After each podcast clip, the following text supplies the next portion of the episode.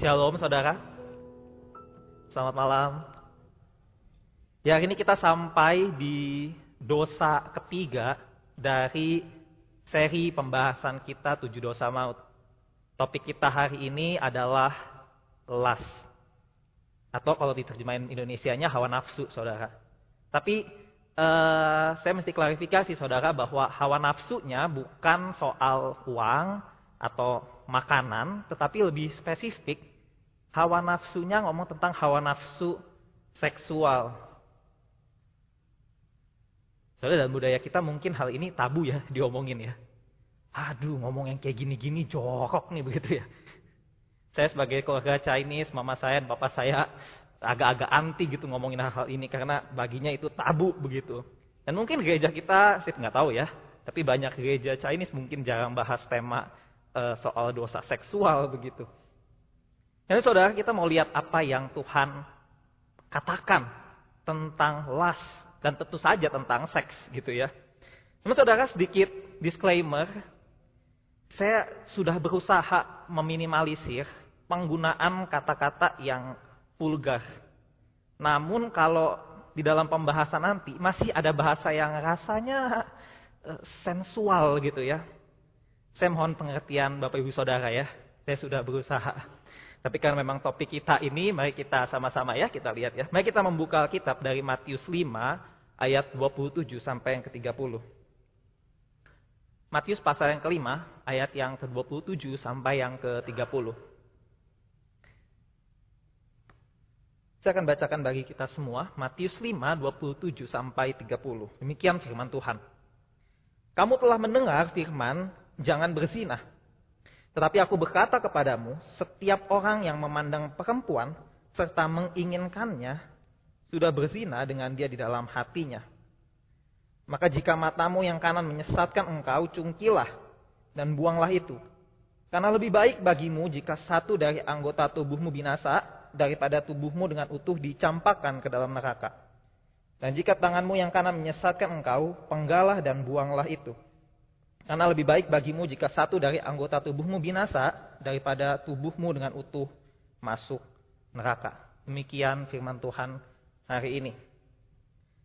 Suatu kali seorang suami dan istri datang pada seorang pendeta, eh, mukanya marah tetapi hatinya hancur saudara. Mereka bingung dan mereka ingin tahu apa yang harus mereka lakukan terhadap anak mereka yang ber, eh, sedang kecanduan pornografi di internet. Pendeta ini bertanya, berapa usia usia anak itu? Mengira dia akan si pendeta akan mendengar jawaban belasan atau dua puluhan tahun. Sang ayah dengan perasaan malu berkata, usianya delapan tahun. Delapan tahun saudara. Mungkin kelas tiga atau kelas empat SD. Kecanduan pornografi. Mengerikan bukan? Anak kecil sudah kecanduan pornografi. Saya tampilkan beberapa data saudara. Kalau uh, muncul nggak? Nggak muncul ya? Oke, okay, thank you. Mungkin agak kecil ya. Oh, kelihatan deh. Saudara, dari data Covenant Eyes, satu website gitu yang memang fokus untuk uh, melawan pornografi, dikatakan saudara ada 51% laki-laki uh, siswa begitu ya dan 32 siswa perempuan pertama kali nonton pornografi sebelum usia mereka menginjak remaja. Anggap kalau remaja adalah misalnya menginjakkan kaki di bangku SMP, berarti sebelum umur 12 tahun sudah terpapar pornografi. Ini tahun 2018 saudara, researchnya. 71% remaja ngumpetin tindakan online mereka dari orang tua. Jadi saudara kalau kelihatan anak remaja kita baik-baik aja, tahan dulu. Karena mereka jago ngumpetin apa yang mereka lakukan di internet. Data selanjutnya saudara. Oke. Tadi umum ya, di, ini datanya Amerika, oke lah datanya Amerika ya, masih di Amerika. Porn di gereja, pornografi di gereja. Satu dari lima youth pastor Dan satu dari tujuh senior pastor menggunakan pornografi on regular basis itu rutin. Ada periodenya.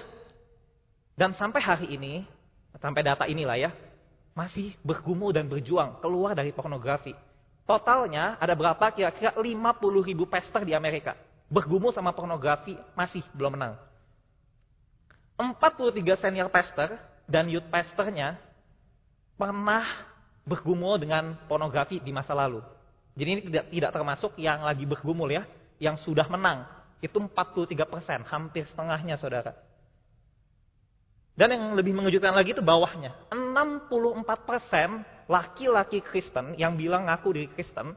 Dan 15 persen wanita Kristen berkata minimal nonton porno, pornografi begitu ya. Satu bulan sekali, minimal. Satu bulan sekali. Ini data Amerika. Oh, mungkin saudara, oh itu kan Amerika, jauh dari kita ya. Oke, saya tampilkan data selanjutnya saudara. Tahun 2018 tuh ya, 25 Juli 2018. Kemenkes berkata 93% pelajar terpapar pornografi. Respondennya ada 1.300 pelajar SMP dan SMA. Terpapar pornografi. Saudara 98,3. Hampir 100%. Indonesia. Dari 1.300 responden. 98,3 persen. Dari tadi pornografi mulu ya.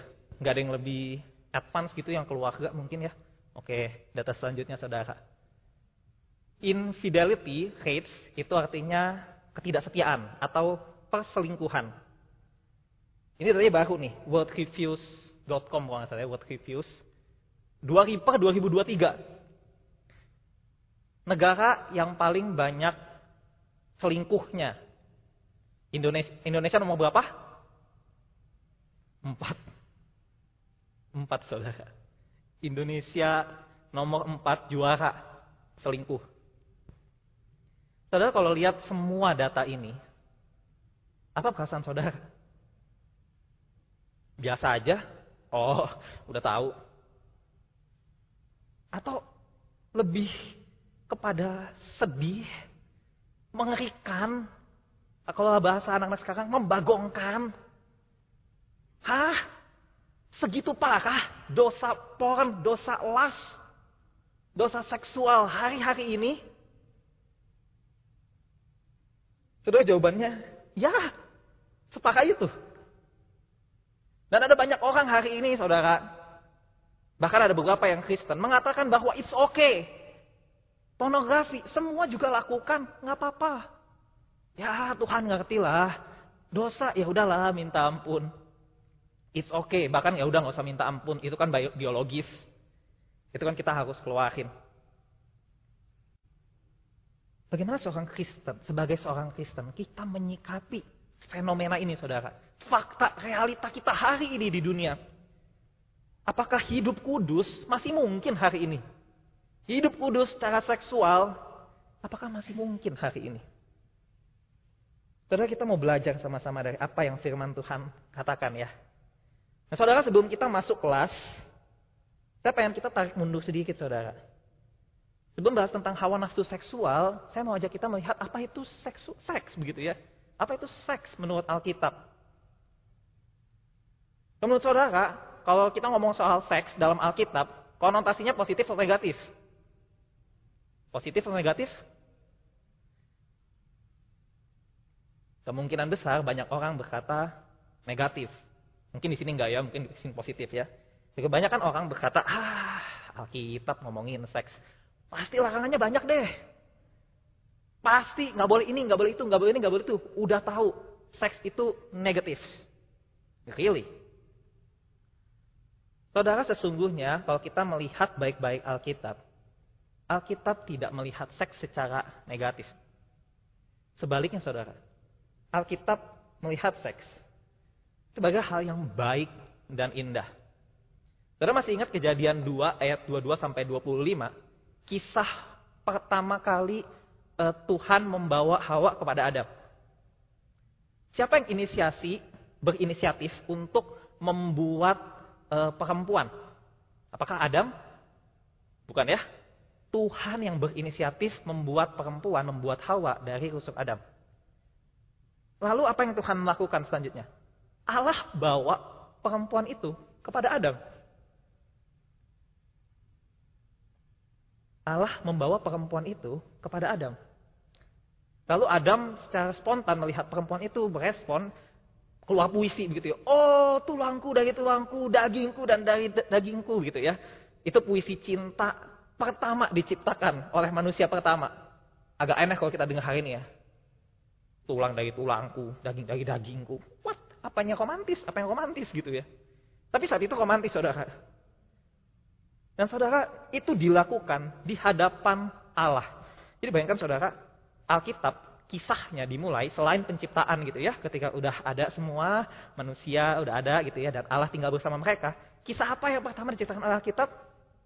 Seorang pria ketemu seorang wanita, keduanya telanjang, lalu sang pria memuji-muji keindahan si perempuan itu di hadapan Allah. Ada Allah di sana, Allah melihat. Ada pria dan wanita telanjang. Dan apakah Allah marah? Enggak, saudara. Allah bersuka cita. Seks menurut Alkitab itu indah, saudara. Seks adalah ekspresi kasihnya Tuhan. Lalu saudara, kalau kita lanjut, kita mau lihat Alkitab. Ada satu kitab yang khusus bahas tentang relasi suami dan istri. Lawan jenis.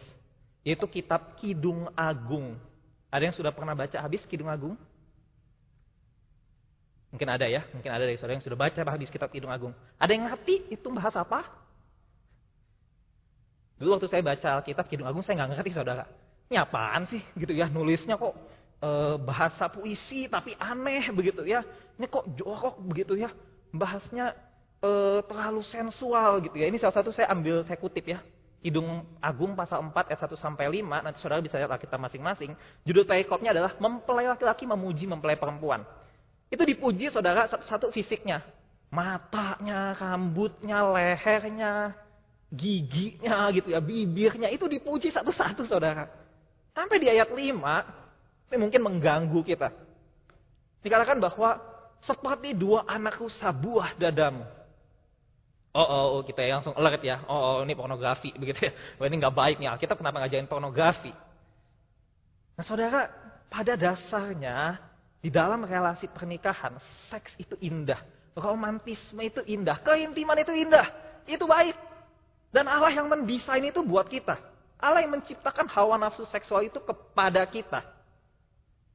Sehingga, saudara, Alkitab menunjukkan sebenarnya bahwa seks itu baik. Ini desain Allah bagi seks, saudara. Yang pertama, Allah mendesain seks agar manusia bisa mencicipi keintiman dan keterikatan secara fisik, emosi, dan spiritual. Allah desain supaya manusia bisa mencicipi apa artinya keintiman di dalam relasi. Dikenal sepenuhnya, dikasihi sepenuhnya, menjadi satu melalui seks. Yang pertama saudara, indah bukan? Yang kedua, Allah mendesain seks agar suami dan istri mencicipi kenikmatan, kesenangan melalui hubungan seksual. Saudara saya masih single, jadi saya tidak tahu apa khasatnya berhubungan seks. Tapi bagi saudara yang sudah menikah, saudara tahu. Dan saya dengar-dengar katanya indah banget, senang banget gitu ya. Nikmat banget. Saya nggak tahu, saya nggak tahu. Tapi bagi saudara yang sudah menikah, saudara mungkin lebih tahu dan bisa relate betapa indahnya Betapa nikmatnya hubungan seksual itu. Yang ketiga saudara, Allah mendesain seks dilakukan dalam relasi yang saling melayani. Bukan egois saudara, tapi saling memberi, saling giving. Giving and receiving, giving and receiving. Apakah Allah kita Allah yang jahat, yang anti dengan kesenangan?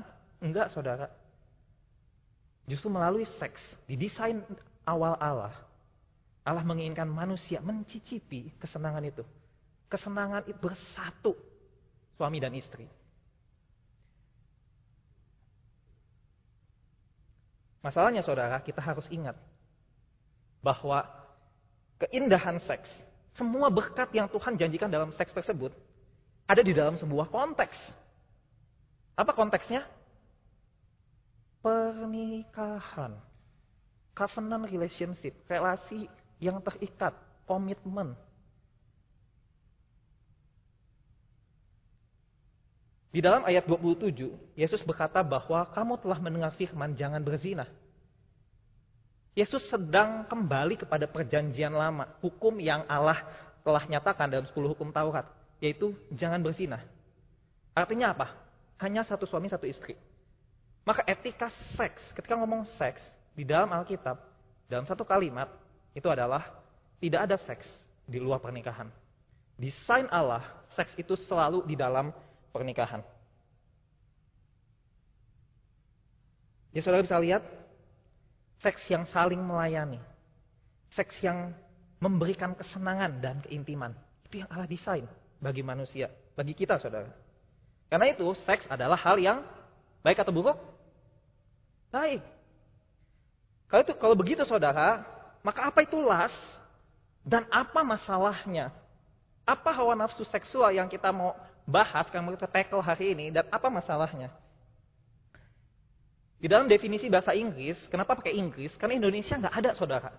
Padanan las itu nggak ada. Hawa paling dekat hawa nafsu. Kalaupun ada, itu nggak familiar sama kita. Nafsu syahwat begitu ya. Mungkin lebih dekat sama orang-orang agama sebelah begitu ya. Tapi kita mungkin lebih menafsirnya hawa nafsu, tapi itu terlalu general. Karena itu bahasa Inggris mungkin lebih tepat. Yaitu intense sexual attraction or desire for another person. Tapi konotasinya negatif. Sebuah hasrat seksual yang besar kepada seseorang.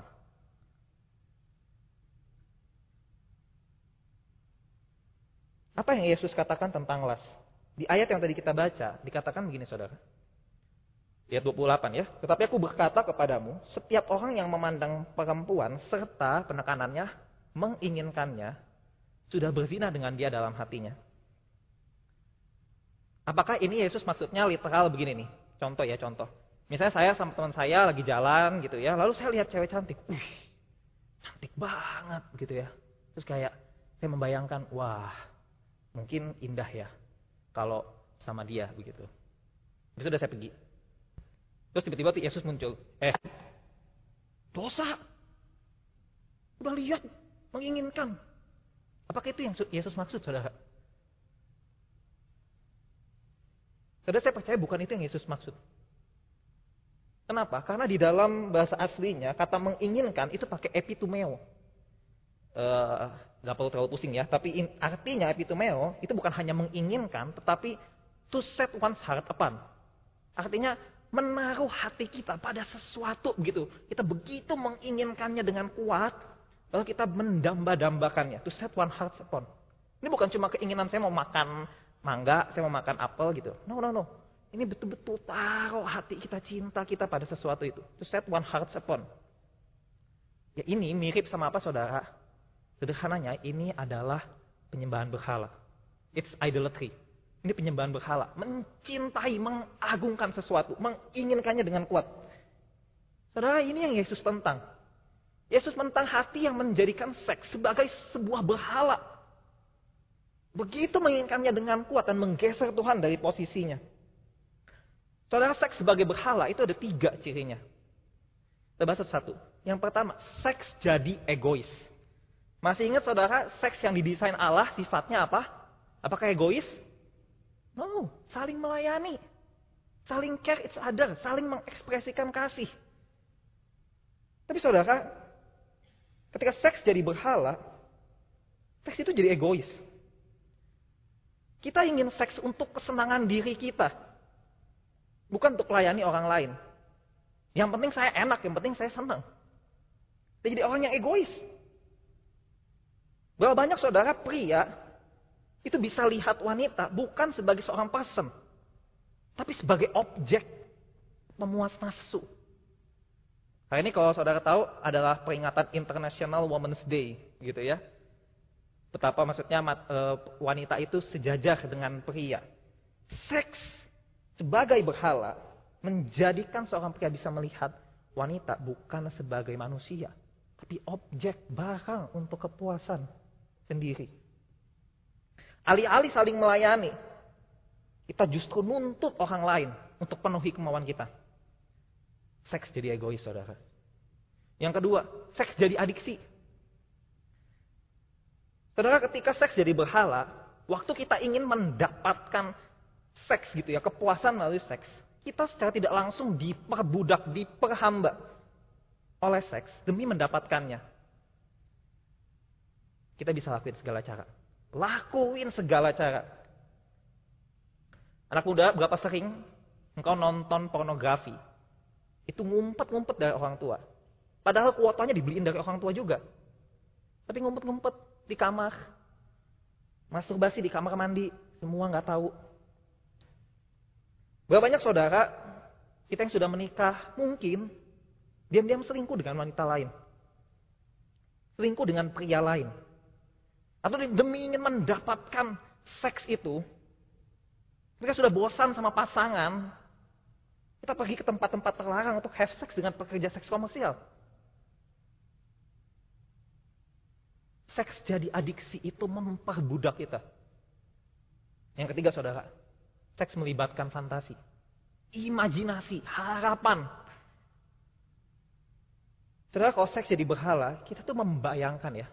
Wah, kalau bisa have sex. Kita akan enjoy. Kita akan menikmati surga dunia. Lega. Nikmat sekali. Dengan kata lain saudara. Kita mengharapkan seks. Kita mengharapkan dari seks. Kepuasan, kesenangan, keintiman. Yang hanya sebenarnya bisa diberikan oleh Allah. Saya kasih contoh bentuknya yang saudara. Bentuk paling clear dari seks menjadi berhala. Ada dua ini saudara. Pornografi dan selingkuh ya. Pornografi dan masturbasi itu memenuhi tiga unsurnya. Coba saudara ingat ya atau lihat gitu ya. Pornografi. Itu emang ada orang lain. Nggak ada saudara. Sendirian. Kita atur mau yang eh, film kayak apa. Waktunya kapan. Maunya kayak apa. Kita atur sendiri. Demi apa? Demi kepuasan sendiri. Seks jadi egois. Seks jadi adiksi. Oh, nggak usah ngomong saudara, betapa pornografi sudah jadi adiksi bagi banyak orang dan menjerat banyak orang di dalam dosa ini. Cycle putar-putar merusak. Fantasi, ya jelas lah. Dia membayangkan dia sedang berhubungan seks dengan yang bukan pasangannya. Dan betapa ini menghancurkan. Selingkuh, saudara. Emang ada selingkuh demi kepentingan orang lain? I don't think so, saudara. Rata-rata selingkuh itu biasa ada problem di rumah. Udah bosan sama pasangan. Ada yang mikir, saya mau melayani, ini saya seperti Kristus, makanya saya selingkuh. It doesn't make sense. Saudara, ini bentuknya, pornografi, selingkuh, itu fenomenanya. Tapi yang lebih mendasar, kenapa kita jadi melakukan itu semua? Karena kita menyembah berhala. Kita menyembah sebuah ilah itu seks. Saudara, pertanyaannya yang lebih mendalam. Kenapa kita terlibat? Kenapa banyak orang terlibat di dalam dosa hawa nafsu seksual ini? Dalam perenungan saya, saya cuma ketemu satu saudara jawabannya.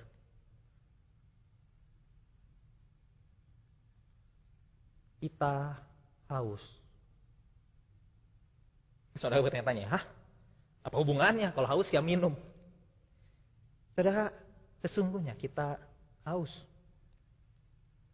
Saudara ingat gak percakapan Tuhan Yesus dengan perempuan Samaria di Yohanes 4? Yesus memulai dengan meminta air pada perempuan ini. Topik pembicaraannya adalah air. Air, air minum saudara. Kan Yesus haus ya. Yesus udah jalan capek, haus, dan dia minta air sama perempuan Samaria. Lalu topik pembicaraannya geser saudara. Bukan pada air fisik, tapi Yesus bilang air hidup. Kalau kamu tahu siapa yang ngomong sama kamu, kamu akan dapat air hidup. Waktu kamu dapat air hidup, kamu akan puas. Kamu nggak usah datang, kamu nggak akan e, kehausan lagi seperti kalau kamu minum air ini, kamu akan haus lagi.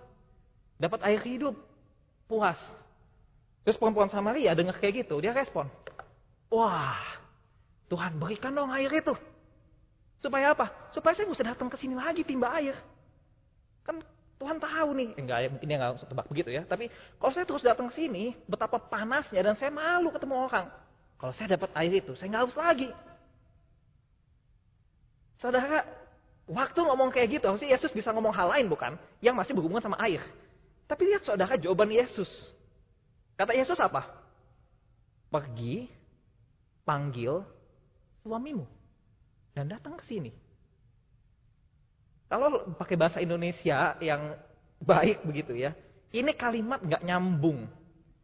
Gimana gimana nyambunginnya antara air hidup, air dikaitin sama panggil suami. Pertanyaan saudara, kenapa? Kenapa Yesus sengaja geser topiknya dari air kepada suami? Karena Yesus melihat apa yang dibutuhkan, apa yang sedang dirasakan oleh perempuan Samaria ini. Wanita Samaria ini punya kebutuhan, dan kehausan yang begitu dalam yang ia coba isi dengan seks. Kita tahu saudara bahwa pada kenyataannya wanita ini punya berapa suami? Lima. Dan yang sekarang tinggal sama dia bukan suaminya. Ada saudara dia sudah coba cari kepuasan, kenikmatan, kasih yang intim dan sejati itu dari suami-suaminya. Dan ujung-ujungnya dia menemukan apa? Saya nggak puas. Saya masih haus. Saya mau ngalamin yang gak ke, kepasan itu. Saya nggak mau rasain kehausan lagi. Dan itu Yesus yang Yesus sasar. Saudara pencarian kita akan kepuasan, kenikmatan, kasih yang intim dan sejati tidak akan bisa dipuaskan oleh seks Kenapa saudara? Karena seks tidak didesain Allah untuk itu. Saudara ingat waktu saya bilang di awal Allah mendesain seks supaya kita apa? Mencicipi kenikmatan. Ingat? Ada kata itu yang saya buat ya. Mencicipi keintiman. Saudara, kenapa saya katakan mencicipi? Sekali lagi, karena memang seks tidak didesain Allah untuk memuaskan kita sepenuhnya. Kita akan terus haus kita akan terus kelelahan dan kita akan terus mencari apa yang bisa memuaskan kita. Dan kalau kita isi dengan seks, kita nggak akan puas. Kalau gitu pertanyaannya, apa dong yang bisa ngisi kita? Kalau seks nggak bisa, apa yang bisa isi hati kita yang haus dan rindu akan kepuasan, kenikmatan, dan keintiman? Saudara, jawabannya adalah Allah sendiri.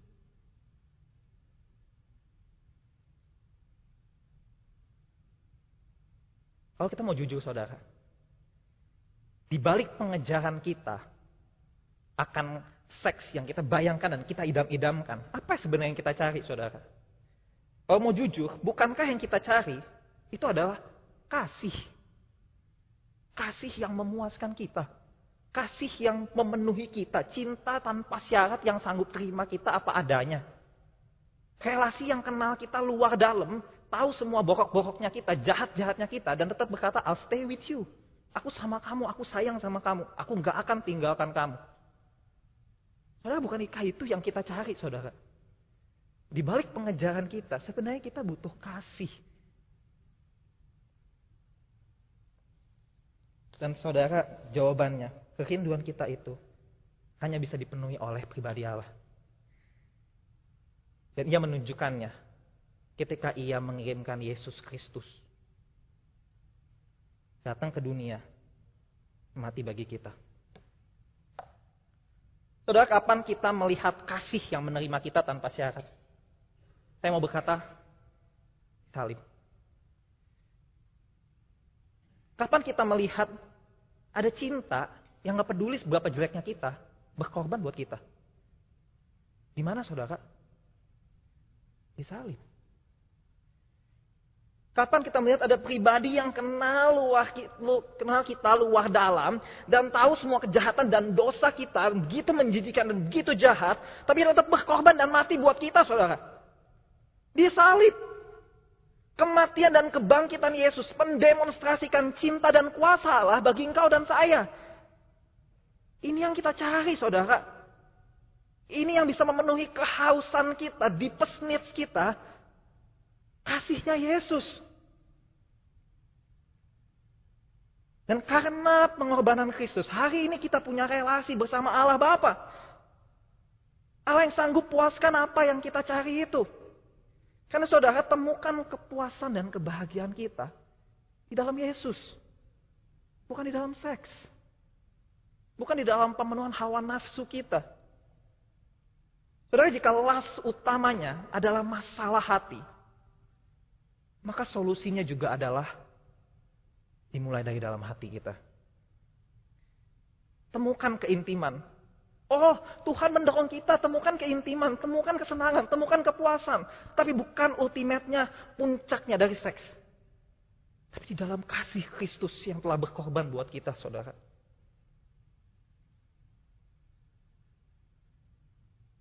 Bagi kita yang bergumul sama dosa pornografi. Saya mau berkata bahwa start from here cek hati kita, apa yang sebenarnya kita harapkan dari seks. Seringkali nggak masuk akal saudara, karena seks tidak didesain untuk kepuasan kita, memenuhi seluruh kedalaman kita. Find happiness in Jesus, not in sex. Bagian terakhir saudara, apa yang Yesus perintahkan ketika berhadapan dengan dosa seksual? Stop sexual sin. Sederhananya saudara Matius 5 ayat 29 sampai 30 Yesus e, berkata kalau mata kita menjatuhkan kita cungkilah. Kalau mat, kalau tangan kita menjatuhkan kita potong. Mengerikan, mengerikan sekali, mengerikan sekali saudara. Ini Yesus beneran nih. Kalau misalnya kita nonton porno misalnya gitu ya, ya udah cungkil mata kita. Oh berapa banyak orang Kristen yang datang ke gereja dengan satu mata saja. Dan tangannya putus sebelah karena telah melakukan masturbasi. Tentu tidak maksud demikian saudara, ini bahasa uh, hiperbolik. Tetapi poin Yesus adalah ambil tindakan yang ekstrim dan drastik terhadap dosa ini. Dan dia memerintahkan ini karena Yesus mengasihi kita. Saudara buat yang punya anak, jika anak saudara yang umur tiga tahun sedang berjalan menuju dapur dan ingin meraih sebuah pisau, apa yang akan saudara lakukan? Dari jauh saudara, waktu melihat anak saudara umur 3 tahun mau ngambil jalan ke dapur, mungkin saudara akan bertanya dengan lembut, nak mau ngapain ke dapur? Kan kalau tiga tahun kadang bisa ngomong jelas, kadang nggak ya, gitu ya. Lalu dia jalan, dia mau raih pisau, saudara dari jauh lihat, saudara ngapain? Kalau, kalau saudara adalah orang tua yang baik, saudara akan lari sambil berteriak, nak berhenti. Jangan ambil pisau itu bahaya buat kamu. Dan kalau dia sudah ambil pisaunya dan kita sudah cukup dekat, kita akan pegang tangannya, kita akan ambil pisaunya dan kita akan berkata, berhenti, jangan ambil ini. Ini bahaya. Mengapa saudara? Karena kita sayang anak kita bukan? Kita nggak mau pisau itu melukai dia, menggores tubuhnya sampai berdarah, dia merasakan sakit, dan bahkan bisa mengancam nyawanya. Itu persis yang Yesus lakukan buat kita saudara dengan dosa seksual. Yesus mengerti benar jika kita terus terlibat dalam dosa las, kita akan makin hancur. Karena Yesus, karena itu Yesus pakai bahasa ekstrim. Hentikan, stop it, hentikan dosa itu. Saudara penelitian menunjukkan bahwa narkoba merusak tiga bagian otak. Tapi pornografi merusak berapa? Lima bagian otak. Kita nggak mau kan anak kita narkobaan? Siapa yang mau? Saudara pornografi jauh lebih berbahaya dari itu. Lima bagian otak dirusak. Pornografi membuat orang memiliki ekspektasi yang tidak realistis terhadap pasangannya. Gambarannya ada harus sesuai yang di video yang dia tonton. Saudara, perselingkuhan menimbulkan luka, sakit hati, dan menghancurkan jutaan pernikahan. Saudara lihat betapa mengerikannya las. Allah nafsu seksual yang tidak sesuai desain Allah. Pas begitu menghancurkan kita saudara. Dan Yesus berkata, stop it. Aku tahu itu. Aku tidak mau kau hancur di dalam dosa itu. Come back to me. Take extreme measure. Ambil langkah yang jelas untuk hentikan dosa itu. Saudara, tentu saya tidak melihat las itu hanya pornografi saudara. Perselingkuhan, dosa yang uh, bisa dilakukan dengan cara yang macam-macam dengan seksualitas kita. Itu juga termasuk kelas. Tapi saya pengen kasih langkah konkret. Jika kita saudara bergumul dengan pornogra dosa pornografi, kita harus apa? Saudara yang pertama, jangan sembunyikan dosa. Jangan sembunyikan dosa. Akui di hadapan Allah. Dan berjuanglah untuk bertobat tiap-tiap hari. Jangan sembunyikan dosa itu. Akui di hadapan Allah dan bertobat. Yang kedua saudara, minta Tuhan ubah mindset kita. Seks bukan untuk diri sendiri, tapi seks untuk melayani orang lain. Yang ketiga saudara, cari orang lain untuk jadi accountability partner. Untuk jadi orang yang bisa kepadanya kita ngaku dan berjuang bersama. Jangan berjuang sendiri. Saya yakin itu setengah mati. Gak akan berhasil. Saya tutup dengan sebuah kesaksian saudara. Sebagai seorang anak muda, saya juga nggak menang, belum menang atas dosa ini, saudara. Saya masih bergumul dalam porno, e, dosa pornografi dan masturbasi, dan saya betul-betul malu, sedih, marah, sometimes frustrasi, saudara. Betapa sulitnya dan betapa beratnya untuk lepas dari jeratan dosa ini. Saya terpapar ketika e, kelas 1 SMA, dan saya sulit sekali untuk keluar dari dosa ini. Sometimes saya pernah berdoa sama Tuhan. Kenapa ya Tuhan, Tuhan gak ambil nyawa saya aja. Buat apa saya hidup? Saya ngaku anak Tuhan. Tapi pada kenyataannya, saya terus menyakiti hati Tuhan dengan dosa ini. Saya berteriak di dalam hati. Karena saya bingung saya harus cerita sama siapa. Karena saya udah frustrasi saudara. Saya nggak menang-menang. Tapi saudara, di dalam periode-periode hidup, saya mulai melihat pertama anugerah Tuhan itu selalu nyata. Anugerah Tuhan lebih besar dari pergumulan dosa saya. Anugerah itu tersedia untuk angkat saya balik ketika saya mau ngaku dosa. Dan saya janji saya mau bertobat. Kedua saudara, saya lihat, saya menemukan ada orang-orang yang Tuhan pakai untuk beranugerah sama saya. Saudara hari ini, kalau orang nggak beranugerah sama saya, lalu saya ngaku gitu ya, saya hamba Tuhan tapi saya masih bergumul sama pornografi, saya mungkin akan dikeluarin saudara. Nggak pantas. Dan saya yakin saudara ada banyak hamba Tuhan lain juga nggak pantas. Kalau itu jadi standar ukurnya. Tapi ada orang-orang yang mau dengerin cerita saya, tidak ngejat saya, dan menunjukkan anugerah, doain saya, dan ngomong seperti ini. Yuk, fight lagi. Yuk fight lagi. Kalau jatuh gimana? Anugerah Tuhan lebih besar. Ayo fight lagi. Tuhan sayang.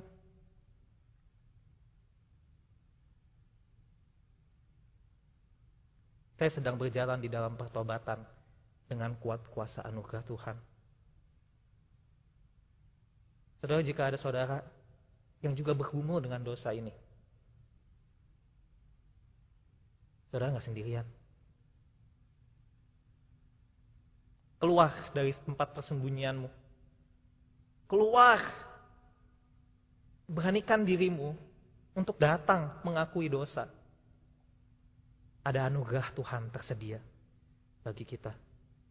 Datang kepada orang-orang yang lebih dewasa rohani. Akui dosamu. Dan berjalan bersama. Kita perangi dosa ini. Kita jadi umat Tuhan yang kudus dan tunjukkan pada dunia. Anak Tuhan hidupnya beda. Ya, saya bergumul sama dosa pornografi. Saya berjuang untuk hentiin. Saya berjuang untuk matiin. Saya tidak menikmatinya. Mari kita berdoa, saudara. Mari datang masing-masing pribadi di hadapan Tuhan. Firman Tuhan sudah berbicara bagi kita. Yesus membenci dosa seksual. Karena itu menghancurkan kita. Kalau engkau, kalau engkau adalah orang yang berkata, ya Tuhan, saya orangnya. Saya bergumul sama pornografi. Saya diam-diam selingkuh dari pasangan saya. Tapi saya takut Tuhan. Saya merasa nggak layak. Saya merasa kotor, jijik, najis. Kayaknya Tuhan gak mau ampuni saya. Apalagi ngaku sama orang lain di gereja. Saya akan dihakimi. Saudara saya mau kasih tahu kebenarannya hari ini. Tuhan justru panggil kita datang dengan segala kekotoran, dosa, kenajisan kita. Dan Tuhan mau berkata, anugerahku lebih besar dari dosamu. Anugerahku sanggup ubah kamu dari dosa itu. Datang. Kembali bertobat. Fight lagi. Bangkit lagi. Aku pengen kamu merasakan kebebasan yang sesungguhnya. Mulai dari mana? Arahkan hatimu padaku. Cinta itu tersedia buatmu.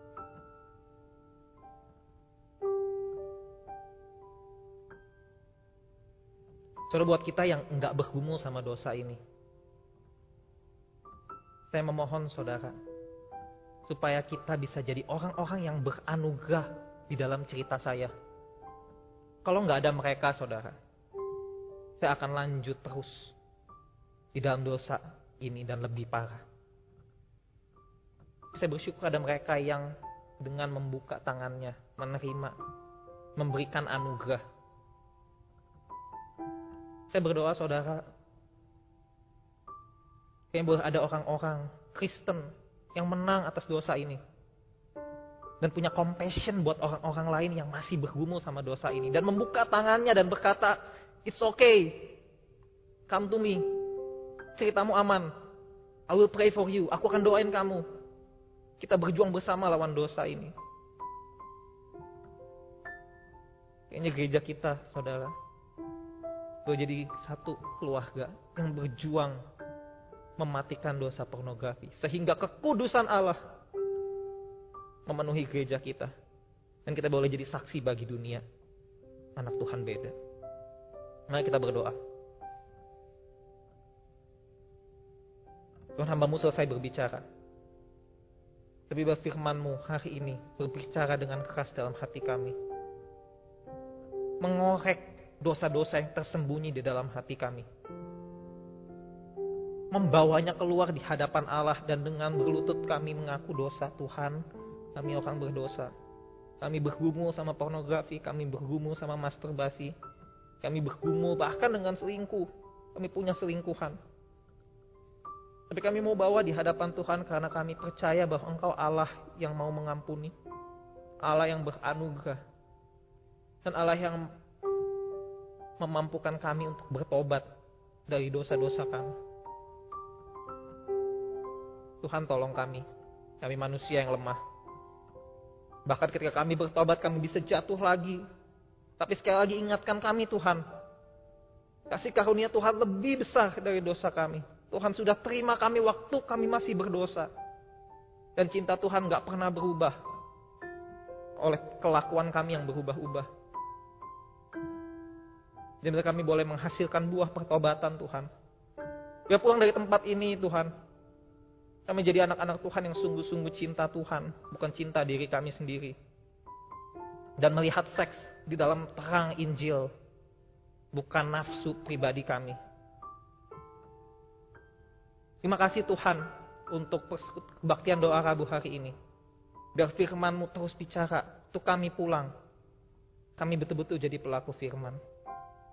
Dan menyaksikan bagaimana anugerah Tuhan tiap-tiap hari akan memampukan kami hidup sungguh-sungguh bagi Tuhan. Terpujilah namamu Tuhan. Di dalam Kristus Yesus kami berdoa dan bersyukur. Amin. Kebaktian doa Rabu kita sudah selesai. Saudara dipersilakan untuk bersatu teduh.